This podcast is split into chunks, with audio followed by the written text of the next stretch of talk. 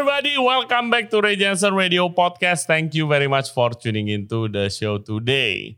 Beberapa dari kalian pernah request ke gue untuk ngundang seorang knife maker atau pembuat pisau ke podcast ini dan kita ajak ngobrol-ngobrol. Kebetulan kemarin di Woodford Festival itu salah satu topik pembicaraannya itu adalah knife making. Jadi gue ketemu satu orang yang kisah hidupnya sangat menarik namanya Kade Merta Dwiguna dari Sounds Familiar Knife. Dia itu seorang fotografer yang kerjaannya foto-foto orang kalau lagi surfing. Nah waktu Bali kena pandemi dan tourism itu mati basically dia nggak bisa foto-foto lagi. Dia melanjutkan usaha keluarganya yang sudah membuat pisau atau bilangnya biasanya blacksmith itu dari tahun 1900, 1900. Dan dia adalah generasi ketiga yang tadinya nggak pernah mau deh nyentuh bisnis keluarganya karena berisik banget di rumahnya dari kecil katanya. Nah, Sound Familiar Knife ini itu bikin Japanese knife buat chef-chef di Indonesia bahkan udah beberapa yang dikirim ke luar negeri juga.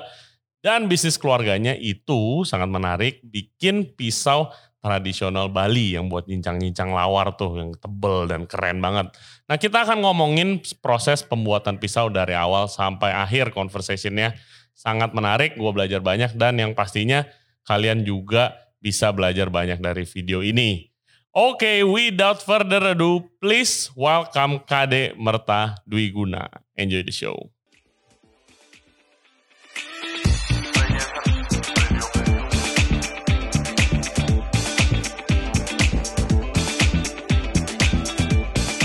Hello.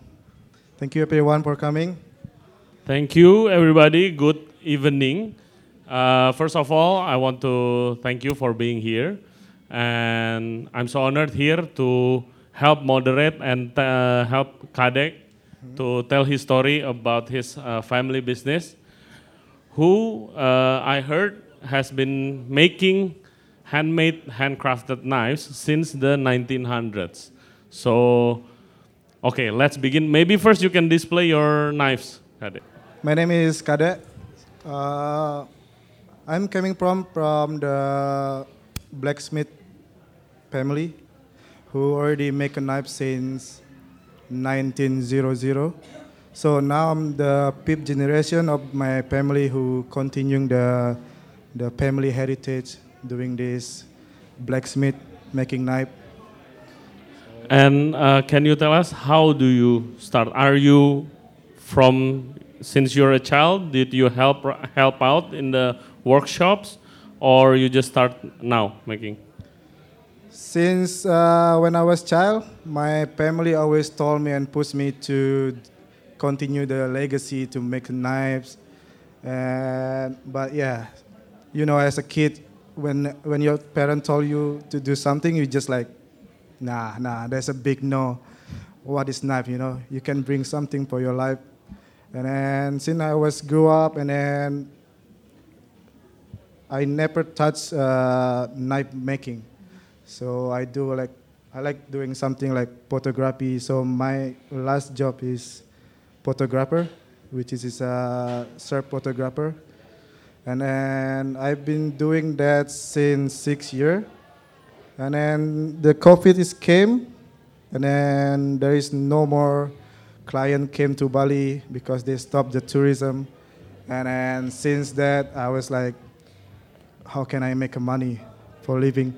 And then I was looking to my workshop, and then I was maybe like, maybe knife is the answer. So that's the day I began to making knife. It's uh, last year actually. It's pretty new. And then uh, I was looking in what they don't have in Indonesia. So I was looking, they don't have really much of uh, kitchen knife. Yeah, the good ones. Yeah, yeah, people who make kitchen knife. There's a few, maybe like five or ten around Indonesia, but not really much. And so I decided to make a kitchen knife, but more like a Japanese kitchen knife. Why do you decide to make a Japanese kitchen knife? Because the history of the knife making from Japan is kind of like same from Bali or Indonesia. It's really rich culture, traditional from family to family, and then I really like like the shape of the knife also from the Japanese. So that's really interesting. And I have to ask, how does it feel growing up in a blacksmith family? Like the workshop is in your home? yeah, the workshop is in the in the, my house. Yeah. So it's a, wo- a working industry, uh, Mm. home industry. Sorry. So how is it feel to grow up in the blacksmith family? It's annoying, to be honest, because since nine in the morning until five in the afternoon, the hammer sounds and the grinding is really annoying. Uh, I feel sorry for my neighborhood if they say they, they are here. I'm sorry, but it's really annoying. But yeah, it's really good. and now do your family feels uh, proud you're continuing the legacy? I bet they so. They told they don't told you anything? They, they, they never like showing up the proud of in my in my face. They just like told to other family or this customer came, oh this is my knife son. The knife is already going to you know like to America, blah blah blah. But I was like, okay. Yeah. Okay, now let's um, let's show the audience first the traditional Balinese knife.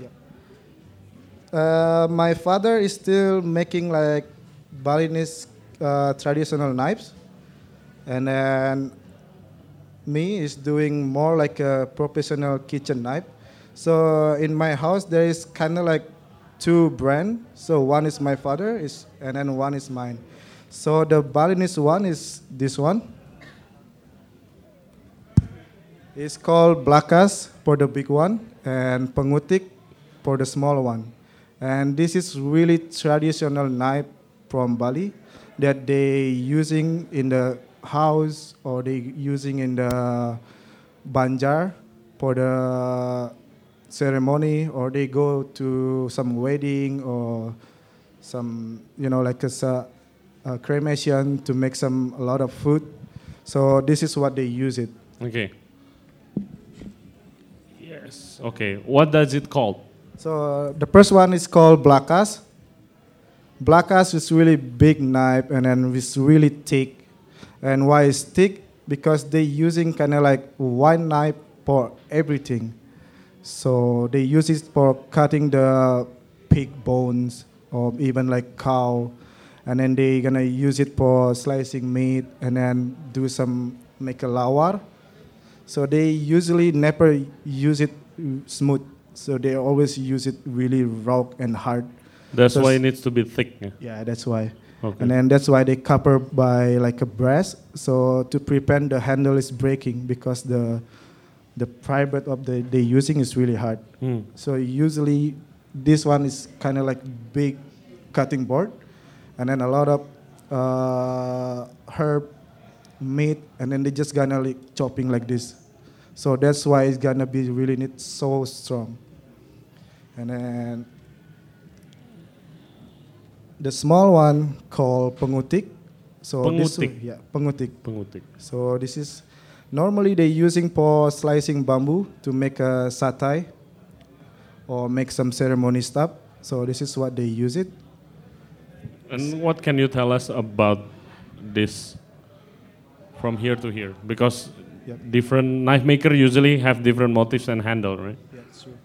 So the brass is kind of like I don't know how is it called. It's kind of like like a proud between his family, you know. And then you can put it like simple thing here, like no engraving or Balinese carving, just simple brass. But some family doesn't like it. They want to look like you know like rich. It's for their ego. Yeah, for the Okay. ego. Okay. So they put in like a Balinese carving in, in the brass. So that's the only difference. Okay. Yeah. And now let's show us the modern knives. So this is the my knife from Sounds Familiar knife. Uh, this one is really standard kitchen knife that they use in kitchen or restaurant. This one is called gyuto. It's almost for everything, but not for bones, because it's really uh, slim. Gyuto. Gyuto. It's a Japanese chef knife for. This is the Japanese Utility. Yep. Okay. So this is what I'm doing for a year now. I've been learning them from all by YouTube because there is no people I can ask here who make the Japanese knife, right? And I just dig all the information, all the shape, all the function, and all the who is pioneer making kitchen knife in Japan. So all I dig from YouTube, and this is what I got from one year digging information by YouTube. And what can you tell us about the types of steel that you use? Because uh, from what I learned, there's a different type, many types of steel, and it depends on the quality as well, right?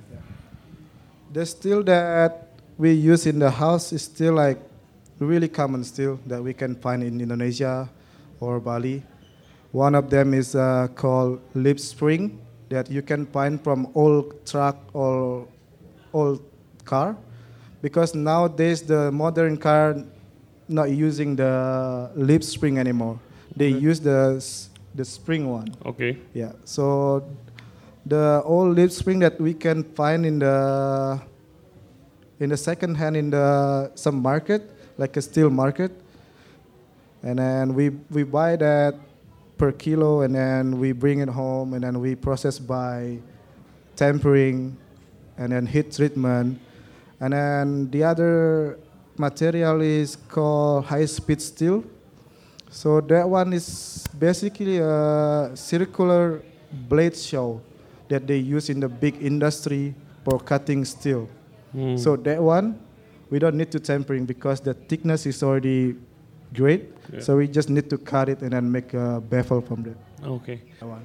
Wow. As you can see, all the tools is really still traditional. It's only one hand grind and then one drill. So if you compare back in Japan, it's really, really way so simple because what they use in Japan or in European or American, the tool is really, really complete. They have, yeah, because also like it's really hard to find all the tools in Indonesia. Right. Yeah. Okay. So after seeing the video, can you explain in a little bit more details Mhm. a process of making a knife from a slab of steel to Japanese knife? The first thing we do is like usually we choose the steel, what steel we're gonna use it, and then what knife we're gonna make it. For example, if we're gonna make like this knife, Mm. it doesn't need to use really thick uh, leaf spring, right? So we choose the the slim one, and Mhm. then we cut it, but not really exactly cut, just raw cut, and then we process to the hammering process. It's maybe take like 30 minutes to one hour. What does it do, the hammering process? So the hammering is make the steel longer and then wider, and then to chasing also the slimness. Okay. And then if you like to put like a, it's called like kurouchi tsuchime. It's mean black with a hammering lip mark. So this one is basically uh, came from the hammering process mark. So we keep it them. We don't grind that because some people like that uh, finishing. Yeah. And also they believe if you cut it like carrot apple, the object doesn't Oh, doesn't stay. here. Okay. because doesn't they have like unsurfaced. Yeah, yeah. uneven surface. Yep, Yeah. true. Okay. After the hammering, So after the hammering, we're gonna do grinding. So make the exactly shape that we want, and then making the bevel. So this one is called bevel. It's only in this area. Usually Japanese kitchen knife have one single bevel, yes. and then European have two single bevel. So hmm. this is double bevel, left and right, and The good thing is also if you have a double bevel knife, you can use left-handed and then right-handed. Yeah. Yep. So that's the grinding part to make the shape, and then we. This, the third part is heat treatment because in this steel they don't have really much carbon uh, content. So how to active the carbon? So we do heat treatment by uh, putting the knife again in the fire. So we make sure the the red area only stay in the bevel area, not to the not to in this area. Okay. So the the red area must be only in the bevel area. And then after that, if the the temper the temperature is really good, so we're gonna choose we heat treatment with the water or with the oil. Hmm. What's if the material is really good, Yeah. we can use the oil to activate the carbon. And then if the material is kind of like really really bad, we have to choose water. What do you mean by activating the carbon? Because this one is kind of still like soft steel. Hmm. They don't have carbon.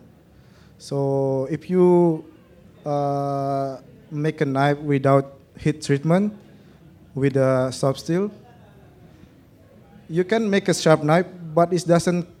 It can be hold the thickness of the sharp area strong. So the the thickness or the sharp area will be like Ben. holding, Oh, yeah, bend, because there is no carbon to hold the see. the, the thickness. So that's why we need to activate the carbon to hold strong the the sharp area. So Okay. yeah, that's why. After the heat treatment, And back to the grind uh, part to do finishing, and then after the finishing, the blade is already done. So we make the handle from the wood or from the plastic, like this one, from the plastic recycle. So last month uh, I do some R&D uh, collaboration with the Potato Head. So I asked them to give me some sample of the plastic recycle block. So the trash they pick up from the beach usually yeah. from the plastic that came from you know from the house to the river and then end up in the beach. So they picked that picked up that and then make some trash block, maybe like three centimeter thick. And uh, when I got there and then just like take the plastic block and then bring it to my house and then process it, and then this is how it's look now. From trash became a knife. Yeah, it's beautiful. Wow. Now, what type of knife is this? So this one is called Kiritsuke. Kiritsuke. It's almost same like uh, Gyuto. Yeah. It's multi-purpose, but not bones. So usually they're gonna use this for vegetable, herbs, or meat, or even fish to slicing because it's really really thin. It's really good for vegetable and fish. So yep, this is the plastic recycle. And after doing this for what, a year A year now. now, do you enjoy the process of knife making uh, as much as being a surf photographer? Really do because before I never thinking it's gonna be like this. You know, I didn't really expect that because when I started, I never like have a really big dream. You know, like everybody does. Like, ah, I'm gonna make this. I'm gonna grow this really You mean- fast and big. You know, Okay. but I would just like go with the flow, and then a year. It's really short time, and then I've been meet a lot of people like really really strong, powerful people like really success on what they're doing by knife. I get more connection, and then by doing this knife, is better So like you open a lot of doors. a lot of opportunity. Yeah. Uh, who who is your first customer? First customer is came from, if you know, it's a bake. It's located in Canggu, so it's basically it's like a coffee shop, like a cafe. Yeah, a brunch So, place. Yeah, brunch place. So they yeah, there is the first customer. Uh, at the first, they buy some knife for the anniversary of the restaurant or the cafe, sorry, and then a few restaurant, a few chef, and then a friends. It's really good. Okay, so uh, please tell the audience if they want to make a custom knife from sounds familiar knife. Uh, how? Where do you, do they go? So at the moment, I uh, I can do the order in the Instagram or by WhatsApp. So it's still manual, no website yet. What's what's the Instagram? Uh, sounds familiar underscore knives. It's really easy to find. And then if you need the number phone, it's also there. Everything is there. So yep, if you text me, kindly wait because I'm not robot. So I'm working alone. Oh, you're still alone. Yeah, Oh. I'm still working alone. And how long is the waiting list now? You, you're working alone, right? Yeah, working alone. And then now in my phone, I have more like 40 people. Yeah, around 40 people. 40 people waiting list. So how long does it take to make one knife? Uh, I always give them estimate time like from three until six week. Three to six weeks. Yeah, three Mm. to six week, And depending the waiting list, yeah, right? how many knives they are making. Yeah, And do you also make uh, other types of knife? uh, I make some a few knives. Mm. They they Because use, Japanese knives have lots of different types, right? Yep, true. Uh, multi, and there's one for each specific purpose. Japanese knife. Do you make? Do you able to make them as well per request? Yep. Oh, okay. all by request and then basically i can do every shape of knife even like japanese western or uh, siberian knife and Sorry? everything siberian knife What, what is that? it's almost same but just different the thickness and the functional Oh, okay. they mostly they use in the in the forest for hunting for surviving because it's only one knife for everything Okay. Okay. Uh, so, listeners, please check out Sounds Familiar Knives for your proper chef's knife. thank you And I heard uh, Chef Wayan, our friend, yeah Chef Who- Wayan uh, from the potato head just bought a knife from you, right? So before he flew out to New York, right? Yeah, he's Uh, he's doing a book signing in New York. In New York, he told me, uh, he asked me like, "Do you have a ready stock knife?" Because I never can make ready stock knife. So every knife is custom order. And uh, when he asked that, I just said like, "No, I don't have it. Why?" Tomorrow I'm gonna fly to New York, uh, and then I'm gonna give your knife to Dan Barber, which is his one of the most He's one of the best chefs in the world. yeah. Yeah. And then I just like said, okay, wait tomorrow. it just took me like eight hours to finish it and then just send it in the morning. Wow. wow. And now he bring it to New York and then can't wait to see the picture with the Dan Barber. yeah. Good. Congratulations. Thank you. So uh, my final questions before uh, we go to Q and A is, what are your hopes and dreams for the future of your business? Uh, not really much actually. I just need to finish all my waiting list because it's already so big. So that's the the next target. Okay, so uh, me personally, I want to say thank you. You have an amazing story, Yep. Thank you. and uh, thank you for keeping your family heritage alive in knife making. We wish you much success. Let's give uh, Pak Ade a round of applause. Thank you. Terima kasih.